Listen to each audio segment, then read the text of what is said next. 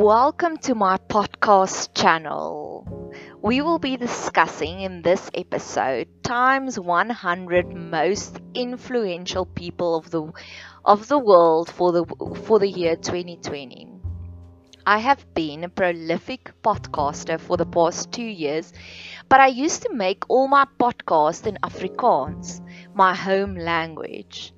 I have decided to start juggling to start working a little bit with my second language, English, trying to make this podcast channel open for an international market.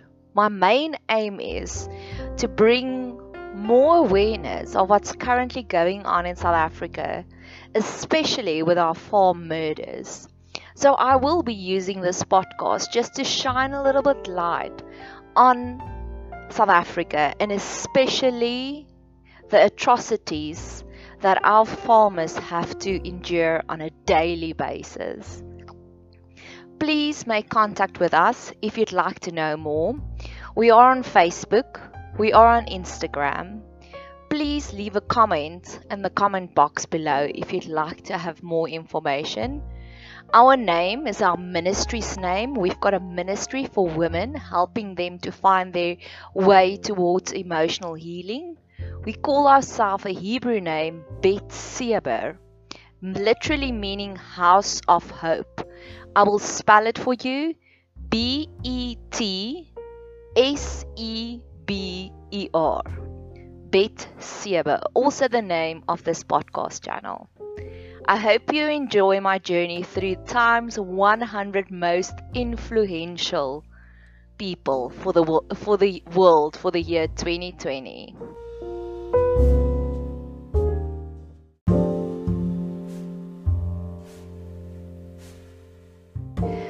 Times 100 most influential people for the year 2020. Zhang Yongzhen. Zhang Yongzhen. Zhang Yongzhen has been described as the saving grace for the world. Zhang Yongzhen is a Chinese scientist and he's a professor.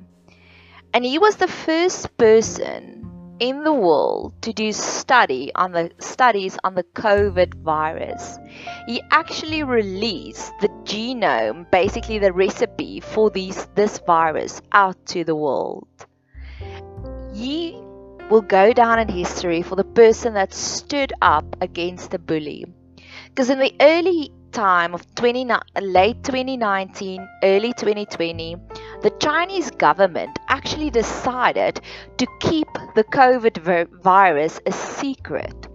They didn't want the world to know, and this Chinese scientist, Zhang Yongzhen, stood up against this bully and he released the genome, the recipe, the workings of the COVID virus to the rest of the world.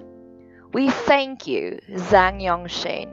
Your brave act allowed us, the rest of the world, to actually start doing research in prevention and curing and testing and diagnosing the biggest pandemic we've had for the past hundred years. Thank you for your bravery. We daily, we, the rest of the world, daily need to stand up against bullies. May we please have the bravery and the courage like what Zhang Yongzhen presented in the early early months of 2020. We thank you for your courage. May we also have that resilient spirit in the moments when we have to stand up against the bully, in the moments when we have to stand our ground with a narcissist, because we know they are walking around daily.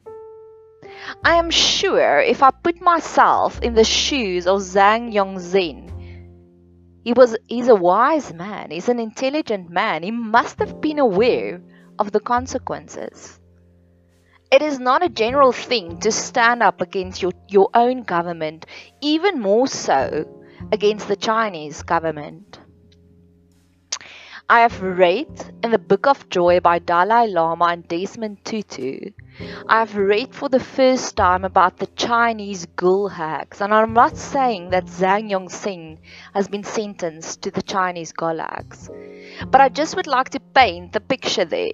The Chinese gulags are religious imprisonments. It's a religious prisons. So if the Chinese government feel that you are rebellious against their laws, they have the right to sentence you to one of those torture prisons without even a trial. I mean, how scary is that? I've heard that there was cases where they would not only prosecute the perpetrator, they would actually launch a prosecution against their family members as well. So I'm praying for you, Zhang Yongzhen, that you are safe.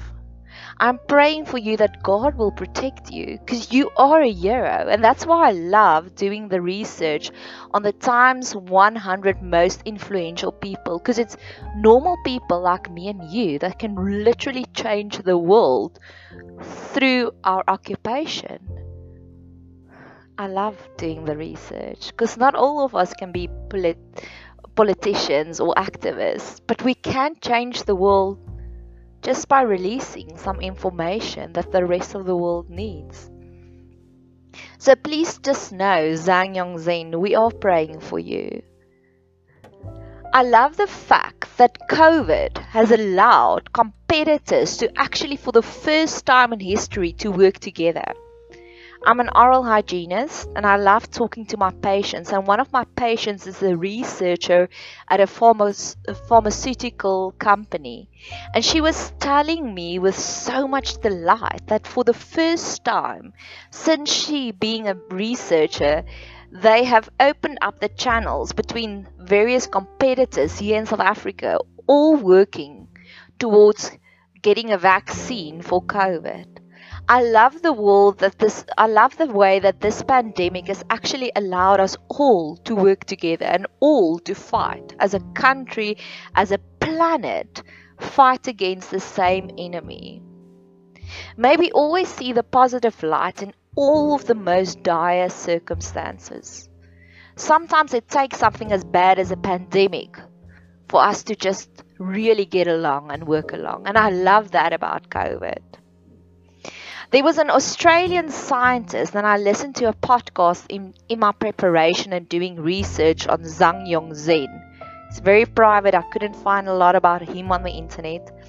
But this Australian uh, virology doctor, but someone who does studies on all the viruses, Edward Holmes he actually did an international podcast about his discovery and about how he used the information that Zhang Yongzhen provided the world, and he was actually received a reward.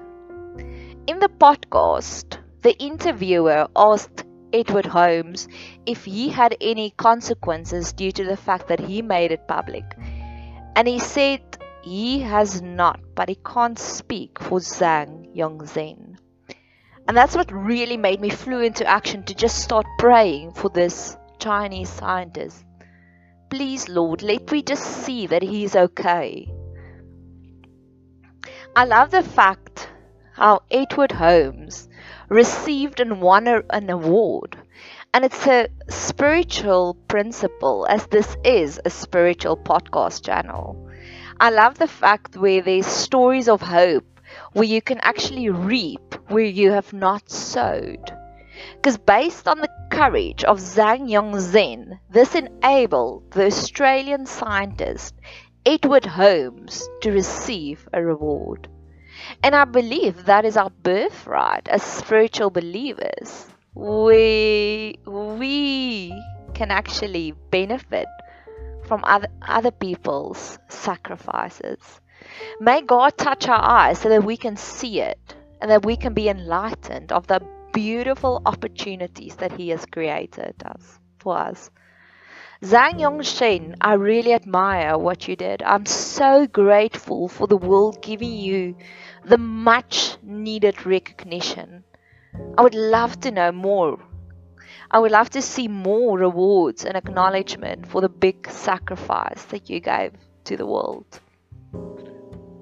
I hope you enjoyed this podcast. I hope you leave this podcast being more inspired because we are all so tired of COVID. But can we start seeing the beautiful consequences of the whole world working together, fighting against this invisible enemy, COVID.